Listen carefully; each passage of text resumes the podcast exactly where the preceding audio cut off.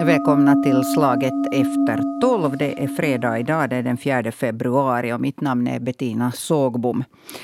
Ja, är Kina en värdig OS-värd? Den frågan är ju så dags att ställa sig nu förstås när spelen är igång. Speciella corona-OS i full gång alltså i Peking. Och Ehm, den här diskussionen så fördes ju nog visserligen, eller har förts redan länge, men att, att nu har den igen aktualiserat i, i och med att man då har diskuterat till exempel ministrars närvaro. Också här i Finland så var det meningen att, att eh, idrotts och kulturminister eh, Antti Kurvinen först skulle åka dit och sen så ehm, efter en massa diskussion om, om saken eh, så beslöt han då att, att stå över, att inte åka till Peking. Med mig här idag för att diskutera det här är, har vi Frank Johansson, verksamhetsledare på Amnesty här i Finland. Välkommen. Tack. Och bror Erik Bubi Valenius, känd som sportkommentator, en riktig sportkommentatorslegendar. Får Hejsan. jag kalla dig det? Jo, det får du gärna. Ja. Och du har, också, du har varit uppe i natt också och arbetat. och referera uh, curling, jo, mm. i två repriser dessutom. Mm. Så en riktigt idealisk natt har jag haft. No, ja, ja, Bakom man, mig. Ja, ja. Ja Men det, jag, jag tycker om det. Jag tycker ja, om just det. Jag menar väl det, ja. att man ska väl göra det av kärlek till... Ja, en gammal hingst, vet du, ja. vill ut på grönbete. Okay. Fast nu är det vitt bete. Okej, okej, okej. Eh, sen har vi på plats i Peking har vi Anki Karhu. Eh, välkommen med du också, Anki. Hejsan hejsan och tack. De facto är jag inte i Peking utan Aha, jag är okay. i Zhangjiakou, det, det vill säga ungefär ett par hundra kilometer så där, vad blir det, nordväst om, om Peking ungefär. Det vill säga det är här skidgrenarna går, längdåkningen till exempel. Så att här finns jag. Okej, no, nu går vi rakt på sak och, och, och, och så frågar jag dig att hur märks den av den här diskussionen om Eh, Eh, om mänskliga rättigheter och, och, om Kina är en värdig värdnation för OS. Märks den på något sätt för er som bevakar OS där? No, för det första så måste jag ju säga att vi befinner oss i en bubbla, det vill säga vi får ju inte röra oss utanför den här OS-bubblan. Vi träffar ju då idrottare och andra journalister Eh, diskuteras jo, men inte så där speciellt aktivt. Ska vi säga att de senaste dagarna så har det handlat väldigt mycket om, om pandemin och coronatester och positiva coronatester och idrottare som inte kan, kommer till start på grund av att de har avgett en, eh, positiva tester och så. Så att, att tyvärr måste jag säga att just nu åtminstone så här på ort och ställe så har den där människorättsdiskussionen drunknat i den här pandemi och covid och karantänhotellsdiskussionen. Men har du själv fört den här diskussionen med några idrottare? No, Yle Urheilu har egentligen gjort när det gäller våra finländska idrottare så, så har mina kollegor kollegor ställt den här frågan till väldigt många idrottare och, och de flesta så, så ger ganska så där runda svar och mer eller mindre avböjer att kommentera just det här och säga att de är här för att tävla och de har fokus, fullt fokus på tävlande och, och, och det kan jag ju förstå. Äh, Enni Rukajärvi, snowboardåkaren och dubbla OS-medaljören, så hon hör ju ett, ett, ett sånt här fräscht inslag som, som, som säger nog vad hon tycker. Men hon, hon här för ett antal år sedan så, så gav hon ju upp ett ganska bra sponsorkontrakt med en sån här energidrycksjätte och sa att det här går inte ihop med hennes värderingar, det här, det här bolaget. Och, och, det där, och hon, hon lät bli att ta emot de här pengarna och gick sin egen väg. Och nu går hon också sin egen väg här. Hon har varit kritisk både till Kina som OS-värd, dels på grund av då människorättsfrågan men också på grund av klimat och hållbarhetsfrågor. No, men hon är ändå där. Hon har ändå åkt dit. Alltså, vi har inte talat om, om nu bojkotter på det sättet att idrottare skulle vägra delta. No, hon sa själv att hon har övervägt bojkott. Då efter Pyeongchang så, så tänkte hon sig faktiskt inte att hon skulle åka till Kina. Ehm, men sen, sen, när hon väl fick platsen och väl fick möjligheten och kände att, att det var roligt att åka snowboard fortfarande, hon kände att hon hade någonting att ge, så, så valde hon att åka. Och orsaken är egentligen den att hon upplever att som en enskild idrottare, inte fast hon då skulle vara världens bästa, vilket hon inte då är, utan hon är kanske världens tredje bästa om man ser till, ser till medaljskörden som hon har tagit de senaste OS. Så, det där, så, så säger hon att, att hon tror inte att den enskilda idrottaren idrottarens röst egentligen väger så tungt, väger inte alls i sammanhanget. Hon menar mer att om, om alla skulle ställa sig bakom det här, om alla skulle bojkotta, det skulle krävas en större massa och hon upplevde att hon inte kunde eh, hon hade mer att förlora på att bojkotta bara själv i egen hög person och, och, och, och kände att hon, hon ville ge idrotten ännu en chans. Hon är lite på 30 år och, och det här är hennes sista OS antagligen. Mm. Okej, det där, vi hoppas att linjen eh, där till eh, dig, Anki, hålls lika stark och fin som den är just nu. För nu tänker jag slänga över bollen här till mina gäster i studion. Alltså enskilda idrottarens röst eh, lyfte Anki Karhu där upp via Enni Rukajärvi. Eh, vad säger du, Frank Johansson, verksamhetsledare för Amnesty, om det här med den enskilda idrottarens röst? No, de flesta idrottsutövare är ju professionella idrottsmän eller kvinnor för tillfället, det vill säga de utövar sitt yrke. Eh, de jobbar hårt för att eh, komma till OS eller komma till ett, ett VM. Och om man diskuterar att de ska ta det moraliska ansvaret för att eh, förändra på en människorättssituation var än i världen vi pratar om, så då har nog någonting gått fel. Eh, det är inte deras ansvar. Jag lyfter alldeles liksom högt på hatten om någon väljer att säga att jag inte vill vara med. Men det kan man inte vänta sig. Man kan inte vänta sig att en människa ska förstöra sin idrottskarriär eller missa den liksom toppen på, på, på den karriären. Men om det är så att, att idrottarna mår moraliskt illa av att, att vara så som Enni Rukajärvi faktiskt har sagt, att, att hon, hon liksom grubblar och tycker att det här är fel. så då visar det ju att, att idrottsorganisationerna som organiserar de här äh, tävlingarna, de har gjort något fel äh, på vägen. Mm. Det är deras ansvar att, att se till att, att idrottarna och publik, om det skulle kunna vara publik, kan åka till, till spelen och, och njuta av, av sporten i, till fullo och inte behöva må illa. Hur kommenterar du Bror Erik ja, det, Jo, eh, alltså det är ju så att eh, jag vill inte gradera idrottare i olika klasser, men om vi tar nu vinter-OS, som är frågan just nu, mm. så Enni Rukajärvi har inte den dragningskraften att hon kan agera en förgrundsfigur för idrottsvärlden. Det måste vara någon av de stora, riktigt stora stjärnorna. Och tänk då till exempel, dra parallellen till fotbolls-VM i Qatar. Ingen av superstjärnorna har uttalat sig en enda gång under de tio åren när det har diskuterats de stora misstag som har gjorts i och med att Qatar fick arrangörskapet för fotbolls-VM, där då i varje fall påstås det 10 000 gästarbetare har mist livet i eländiga förhållanden. Det kräver att det är de stora stjärnorna som kliver fram, men de har ju inget intresse av det, för gör de det så blir de av med sina stora sponsorpengar. Det, det, det är ett problem som är ganska oöverkomligt just nu. Situationen i Qatar är usel, men Bobby, du ska inte överdriva. Eh, ingen har sagt att det har dött 10 000 personer. Guardian jo, har, Guardian läst, har publicerat en artikel som säger 6 500. Och vi som människorättsorganisation som har undersökt det kan inte bekräfta siffran. Man vet inte äh, siffran. Dessutom har äh, fyra eller fem europeiska landslag i kvalmatcherna eh, tagit mycket starkt ställning eh, för att arbetsförhållandena i mm. Qatar ska, ska bättras om. Det handlar om, om Nederländerna, det, det handlar om, om Tyskland, det handlar om, om Danmark, Norge, Sverige. Så där finns det ett alldeles klart momentum. Mm, du menar men, att... men ändå åker lagen dit när det blir VM? Ja, men ingen har sagt att de inte ska åka. varför skulle de inte åka? De, de utövar ju sitt yrke. Ja.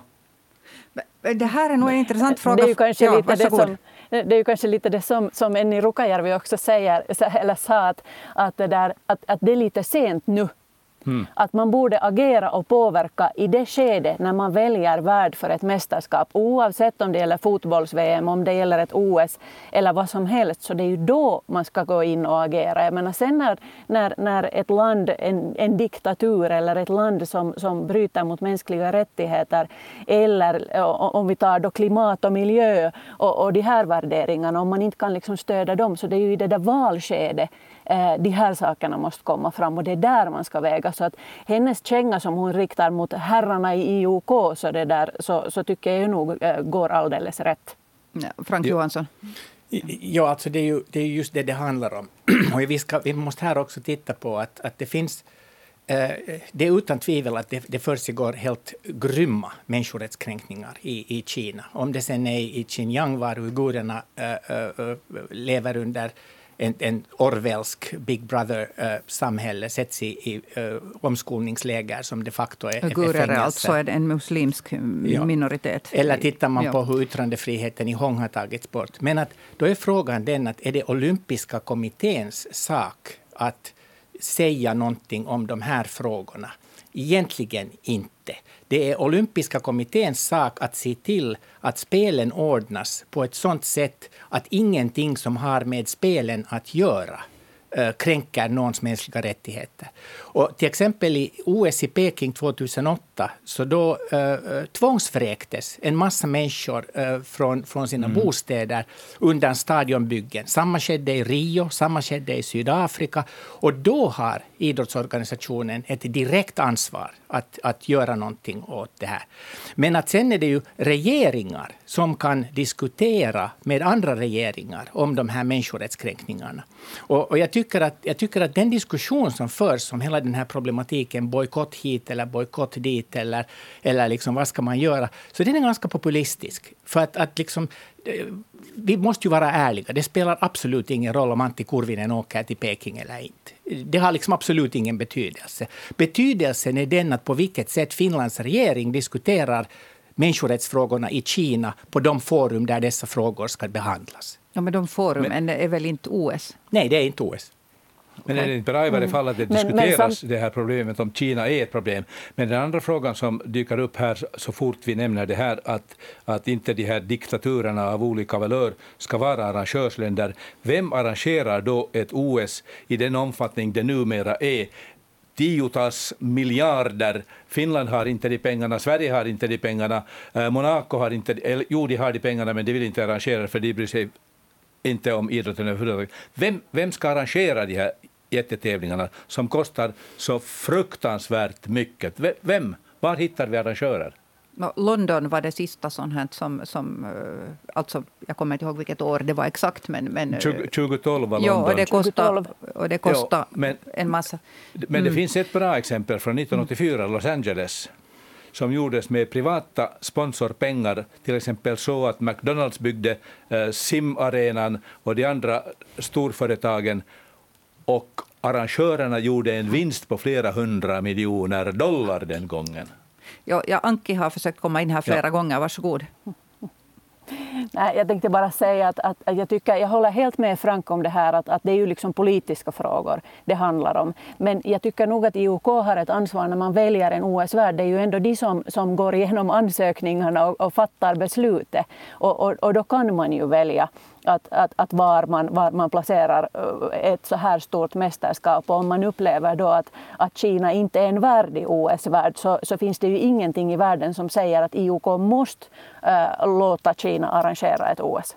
Frank Johansson. Jo, det, det är ju det här som är kontentan. Och, och, diskuterar du med olympiska kommitténs äh, medlemmar så, så säger de att, att situationen var helt annan då när, när Peking fick spelen. Äh, och man man trodde att eh, allt skulle gå okej. Okay. Det var, det var liksom, vi, vi hade inte den storpolitiska situation som vi hade nu. Det var i och för sig ganska naivt, för att när de gav det till Peking 2008 så sa man precis samma sak. Och sen visar facit att de facto blev människorättssituationen sämre efter spelen. Det skedde ingen öppning. Men tittar man nu vad de sen också säger, är att de har nu infört nya, mycket strängare regler för eh, hurdana, till exempel krav en världsnation ska, eller världsstad ska ha. Och om jag har förstått rätt så har vi Brisbane och Paris och andra liksom som är på kommande nu, mm. Eh, de kommande OS. Så, så visst finns det eh, också sådana som är intresserade utanför auktoritära stater. Men den, den diskussion som Bobi alltså startar här med att säga liksom, vem har råd med det här? Mm. Vem ska göra det här? Mm. Så där tycker jag att det finns en betydligt större fråga bakom det. Att tittar man på människorättsfrågor, tittar man på pandemifrågor, tittar man på klimatfrågor, så måste man ställa den frågan att är, är sådana här megaidrottsevenemang överhuvudtaget etiska i framtiden. Kan man på riktigt eh, liksom befogat säga att eh, eh, tusentals idrottsmän, hundratusentals åskådare ska åka någonstans var man bygger stora anläggningar som man inte vet vad de ska göra med sen senare, bara för att, att ha ett idrottsevenemang? Kanske man borde ha det på ett och samma ställe hela tiden. Bror ja, det är ju förstås ett mm, eller, alternativ. Eller rotera. Mm. Men, men sen kan man ju också tänka så här, eftersom spelen sväller, framförallt sommarspelen, från gång till annan och antalet idrottare hålls ganska konstant, men kostnaderna stiger. Tänk om man skulle spjälka upp OS och till exempel plocka bort en sport som fotboll, för OS-guld i fotboll kommer ju inte nära VM-guld i fotboll. Det är ju fotbollsspelarnas stora dröm att vinna VM, förutom ligatitlarna, och sen de här hundratals miljonerna som de får. Plocka bort en del av de här sporterna som finns, så får man ner kostnaderna. För man behöver inte bygga så enormt många och så enormt fina arenor som sedan efter ett tiotal år, till exempel en uh, sån OS-arena som fungerar som värd, det vill säga Sydney år 2000, den var ju byggd på ett sådant sätt att den raserades några år efteråt. Så att de pengarna liksom mm. försvann på en gång. Onödig investering överhuvudtaget. Mm. Vad säger du, Anki Karhu, om de här ja, men, förslagen? No, alltså, så där personligen, personligen, utan att det är ju alltid lätt att ha en massa åsikter och inte sitta med, sitta med plånboken där, men, men det där, eller ansvaret. Men, men för egen del så tycker jag att, att man borde, borde ha eh, ett antal orter som, där, där liksom, som skulle arrangera spelen så där med jämna mellanrum. Det vill säga att det skulle finnas arenor som man upprätthåller som har en funktion mellan de olika OS-spelen. Eh, men det är väl kanske lika, långt, lika sannolikt som att vi får fred fred i världen att, att äh, samtliga länder kan komma överens om att i vilka länder man kan ordna OS sist och slutligen om det är så här att det alltid ska ordnas på ett och samma eller på, på några ställen. Sen finns här en klimataspekt också och det handlar om det att det finns också tidigare OS-värdnationer eh, och ställen som efter ett antal år inte längre kan till exempel arrangera ett vinter-OS eftersom temperaturerna stiger så, och det inte kommer att finnas vinterförhållanden. Så det är sen å andra sidan också ett annat problem som, som nog IOK får fundera på. Men där finns ju räddningen, men den kanske ligger långt i framtiden. För hur gick det för antikens olympiska spel? De levde i 1000 år, men sen dog det bort. Och ingen idrott överhuvudtaget i världen på 1500 år. Efter att påven förbjöd dem år 300, var det 383. Är du, nu på säger att vi inte kommer att ha några olympiska spel? Jag, jag, tror nog att den i något skede äh, kommer att dö ut, den idén. Den, den lever inte för evigt, men det kan ta tio år, det kan ta 110 år eller tusen år igen. Men jag tror att de dör en gång i varje fall.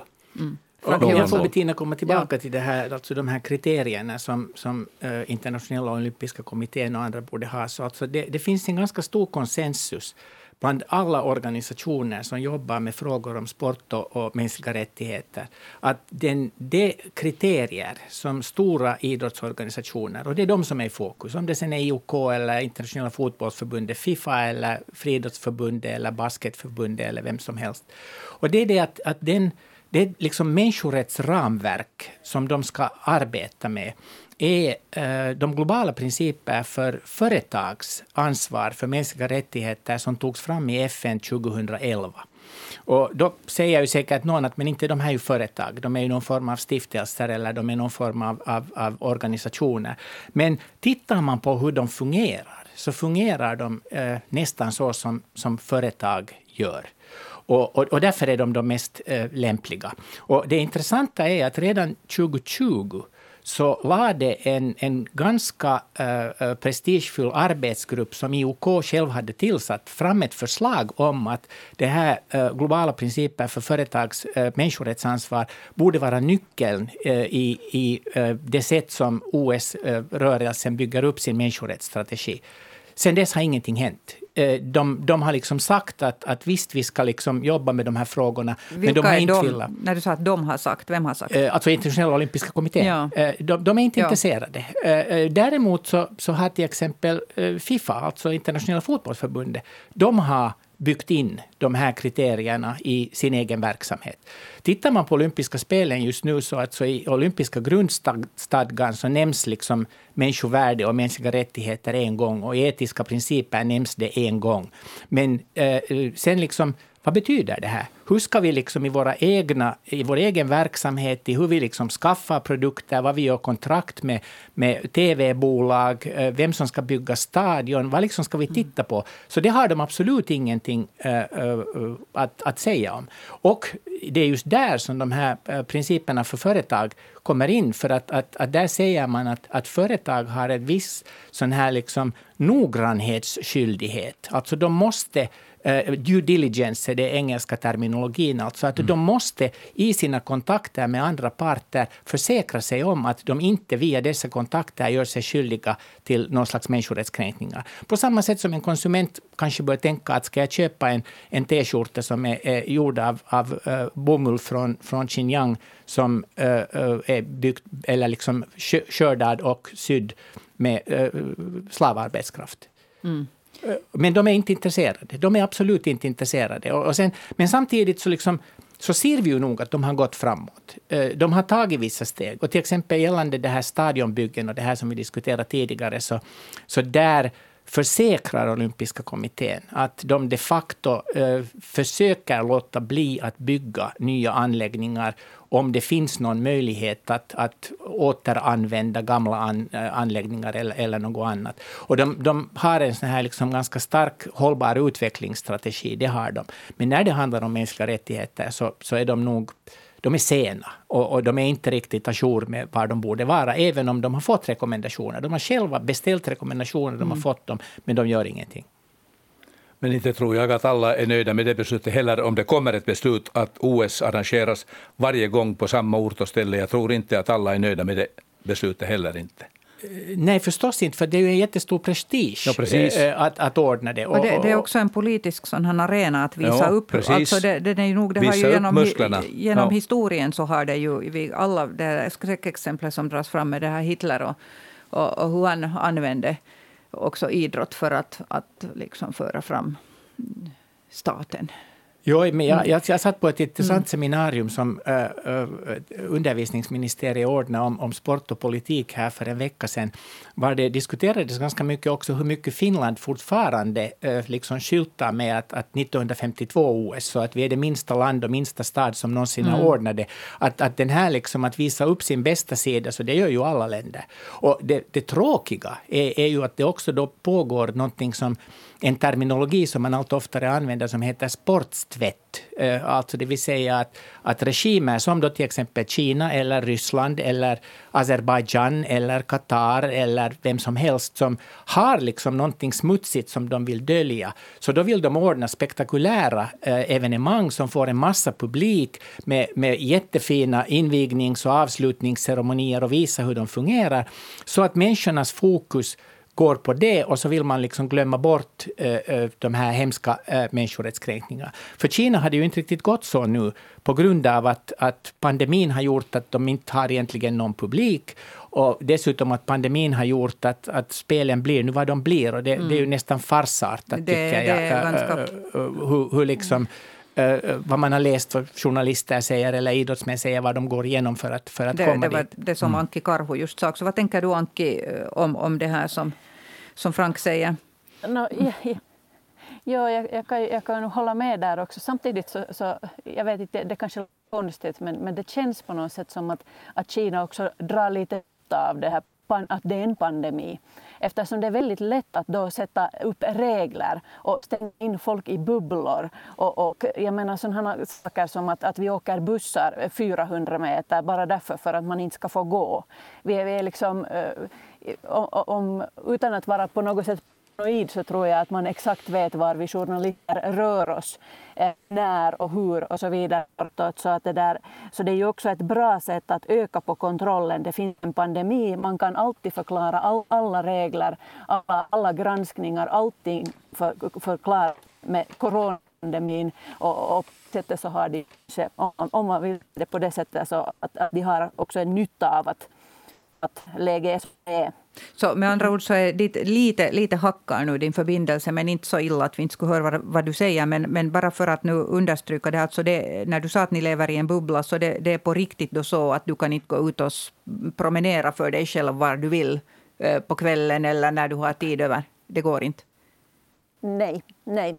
Jag får, det där, jag får promenera, det finns ett litet område på, på innergården till hotellet. Eh, där kan man löpa runt. Jag har inte mätt exakt hur lång bana det i så fall. Eh, man får gå på hotellets gym och så vidare bortåt. Men till exempel att röra sig mellan de olika tävlingsarenorna. Det, liksom, de, de ligger ganska nära här, till exempel skidgrenar, eh, backhoppningen, skidskytte under en kilometer. Eh, men vi packas in i bussar som, som packade sillar istället för att alla ska köras med från punkt A till punkt B och så vidare bortåt. Att det är faktiskt så, man, man rör sig ingenstans utanför den här bubblan. Mm. Så var det med den friheten då, diskussionen och det, det om, om demokrati. Men det, ja. det, är inte å andra sidan uh, så tillvida bra då att uppleva de här platserna på ort och ställe och faktiskt kunna påvisa hur illa situationen är, om den är så illa. Om de aldrig skulle få arrangera ett VM, ett OS eller ett EM fotbollsslutspel så då ser ju ingen den misär Men inte ser någon det nu heller när de sitter Men där finns ju journalister som kan... Journalister som får åka 400 meters ja, som, vägar i buss. För. Som säkerligen ändå får en aning om hur läget är och hur illa läget är, om det är så illa. Dessutom äh, finns det andra aspekter på det här. Jag har själv råkat ut för det i västvärldens äh, bästa länder, att under dagtid blivit rådgiven att jag skulle till en affär båda gångerna det hände som låg på ungefär en knapp kilometers avstånd från hotellet där jag bodde. Mm. På dagtid. Så de inte tänker du väl promenera dit inte? Så att, varför inte? Va, vadå, nu skakar du på huvudet men det ja, hörs inte på radio. Ja, nej, nej, nej, nej. Gå inte på dagtid. Varför inte? Det kan hända ruskiga saker. Att du blir rånad eller ja, någonting? eller misshandlad. Ja. Mm. Jag, jag, tycker att du är lite naiv ja, här, Bobby, för att, att jag menar om man tänker att, att de flesta stora medierna har, har Kina-korrespondenter som är insatta, som kan språket, och också de korrespondenterna har otroliga problem med att kunna rapportera överhuvudtaget. Så hur kan vi tänka oss att någon sportjournalist som åker dit med inte liksom språkkunskaper eller annat ska kunna få någon bild av samhället de, de är i? Och dessutom Men, vet vi att de kineserna har de facto satt i husarrest eller skickat bort alla de oliktänkande som eh, skulle ens våga diskutera med journalister. Men där finns ju professionella journalister, ju... inte, inte, inte ålade av idrottarna att utföra det här. Jag sa sportjournalister. Ja, är sportjournalisten inte sportjournalister då? Ja, varsågod Antti Karhi. Karhu, varsågod. jag, jag tänkte slänga in här en, en kommentar som sportjournalist på plats. Äh, så det där, äh, Jo, det är en god tanke att vi ska kunna rapportera om det ena och det andra men för det första så stöter man på språkmuren. Jag åkte till, härifrån till Peking igår för att följa med Damlejonens match eh, åkte med två lokala herrar som körde bilen dit och körde bilen tillbaks. De talade typ två ord engelska och, och, min kinesiska är obefintlig så att vi kunde inte diskutera. Jag menar, där skulle jag haft en världens chans att tala med lokalbefolkningen så att säga. Men de körde också alltså då organisationens, värdorganisationens eh, bil så att jag vet att inte om, om de skulle ha sagt, sagt speciellt mycket. Det är dessutom eh, jag två, in i bilen. Mm, det är dessutom två mm. av en orsak om jag har förstått saken mm. rätt, så sätter man aldrig någon ensam med utlänningar, utan där är alltid två, för de ska också vakta varandra. Eh, ja. Ja. Nej, det här, det här hade nu inte, det här är faktiskt ett, ett önskemål som YLE hade eftersom vägen är väldigt, ja. det, det, är en lång väg och en lång dag och det har med det att göra att man inte ska köra trött så därför var, var den ena, ena gubben körde dit och den andra gubben körde tillbaka så att säga, det, det, var orsaken till att de var två. Men alltså det där, jag åkte alltså från hotellet med de här gubbarna som inte talar engelska mer än att de sa att pulli, pulli när vi stannade för en toalett. Och då var det alltså en special sån här, eh, viloplats för, där, för de här OS-transporterna, det vill säga det var inte en vanlig bensinstation som man skulle köra in på här i Finland till exempel, utan det var sådana eh, containrar eh, där man hade byggt då en sån här tillfällig toalett och, och, och så här. Där fanns inte några vanliga människor där heller, förutom då de frivilliga. Eh, som, som såg till att, att folk kommer in och ut på rätt sätt. Och så åkte jag till ishallen där jag gick igenom en ganska rigorös säker, säkerhetskontroll eh, det var bra att jag inte behövde smaka på min egen flaska med handsprit men, men mitt, min vattenflaska ville det att jag skulle dricka ur och så vidare bortåt. Sen kom jag därifrån den där matchen med samma gubbar, stanna i praktiken på samma ställe.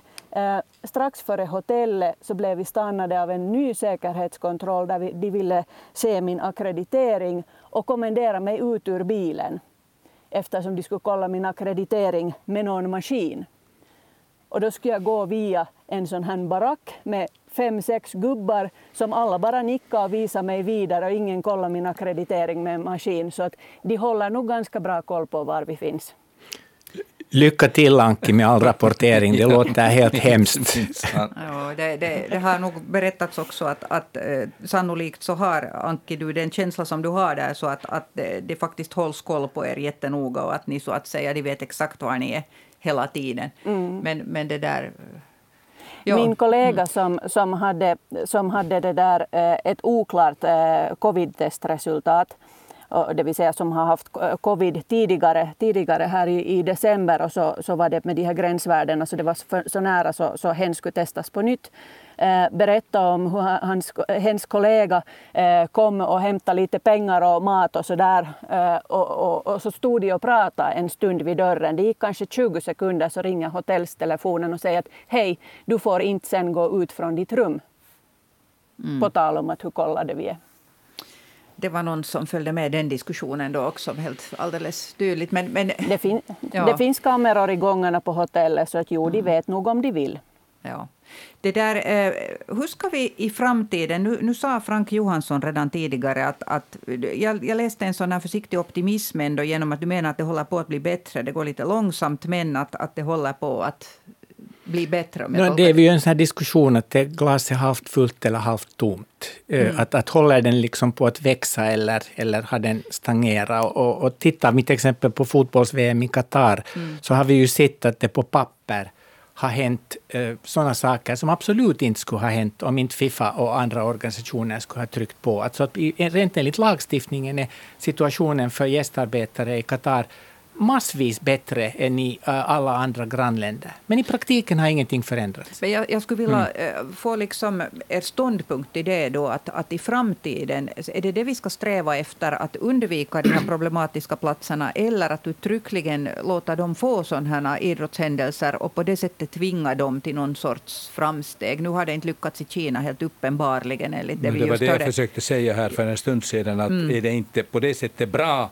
att det då och då hamnar ett VM, ett OS på en plats i ett land där allting inte är okej, okay, för annars har, har vi ju ingen aning om vad som händer i de ställena, på de platserna.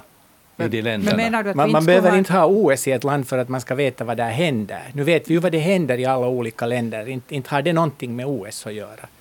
Nu vet vi vad situationen är i Kina utan, utan att det ordnas OS där. umgänge brukar vara en ganska bra väg till förbättringar. Inte bara när det gäller sportevenemang, utan överhuvudtaget. Men om... Utökat umgänge också skulle... i den riktningen där allting inte är bekvämt och fint i finsoffan. Det är säkert i praktiken helt sant, men mm. just nu så har Anki inget utövat umgänge. Men nej, utan bara nej. någon som säger pull pull. Ja, men ja. nu, nu, vet hon i varje fall och kan mm. sprida den kunskapen vidare åt oss. Ja, Anki, varsågod. Ja. Nej, jag skulle säga att eh, jag tror att, jag tror att den här argumentationen fungerar, eller liksom det här eh, med att, att man, man också ska ge, ge mästerskap till länder som, som där allting inte är helt okej. Okay. Jag tror att det var kanske en bättre sak på sätt och vis förr då man inte hade på samma sätt den möjligheten att ha kontakt med, med folk ute i världen eh, i realtid, i praktiken. Idag vet vi mycket mer. Man, jag håller helt med Frank, man behöver inte ordna OS för att få veta vad som händer i Kina. Man behöver inte ordna ett VM i Qatar för att få veta vad som händer där längre. Eh, det har kanske någon gång varit så, men jag tycker inte att det är så mera och då tycker jag att man kan ifrågasätta att, att varför, varför det ska vara på det här viset. Jo, eller kan man påverka via OS? Det är kanske det jag menar. No, facit, facit för liksom, så långt vi kan titta bakåt i historien är att, att, att via idrottsevenemang påverkar man inte människorättsläget mm. någonstans i världen. Det har aldrig riktigt aldrig lyckats. lyckats. Och, och, då är ju frågan mm. mera den att, att, att ska vi Ska vi ordna evenemang som är liksom stor underhållningsindustri eh, globalt eh, eh, på sådana ställen var, var eh, allting inte riktigt tål dagsljus. Eh, eh, och, och man ska åtminstone inte göra det för att säga att då får vi veta mer om vad som händer i det landet eller då får vi liksom en inblick i det, för det fungerar inte. Eh, det, det, här, det här betyder också att jag tar absolut inte ställning till att, att ska Kina eller Ryssland eller sådana länder få eh, de här spelen, för jag tycker att, att mänskliga rättigheterna är bara ett kriterium, som jag sa tidigare. Så om, om vi skulle ha det som att det pågår människorättskränkningar i ett land som ett kriterium för sportevenemang, så skulle internationell idrott, så som vi uppfattar den idag, sluta. För det mm, finns inget precis. land var det inte pågår precis, människorättskränkningar. Ja. Det där har jag uppfattat att, ja. att Bror Erik Wallenius också har sagt ja. några gånger. Ja. Och sen finns det ju en gradskillnad. Men mm. att Amnesty till exempel, vi, vi jämför aldrig länder sinsemellan. Så att jag menar, det, det, jag tar liksom lite tillbaka det här. Mm, men att, att jag tycker att den den, den stora frågan är att är eh, megalomaniska idrottsevenemang eh, i, i dagens värld överhuvudtaget mera etiska. Av miljöorsaker, av klimatorsaker, av pandemiorsaker, av människorättsorsaker, av allting. Det är den stora frågan. Och det, det blir ju bara större hela ja, tiden. Framför, framförallt av den här digniteten. Mm. Det går att arrangera ett fotbolls-VM, för det är endast en sport det är frågan om. Det går att arrangera hockey-VM, friidrotts-VM, mm. sim-VM, var som helst, och, var som helst och när som helst.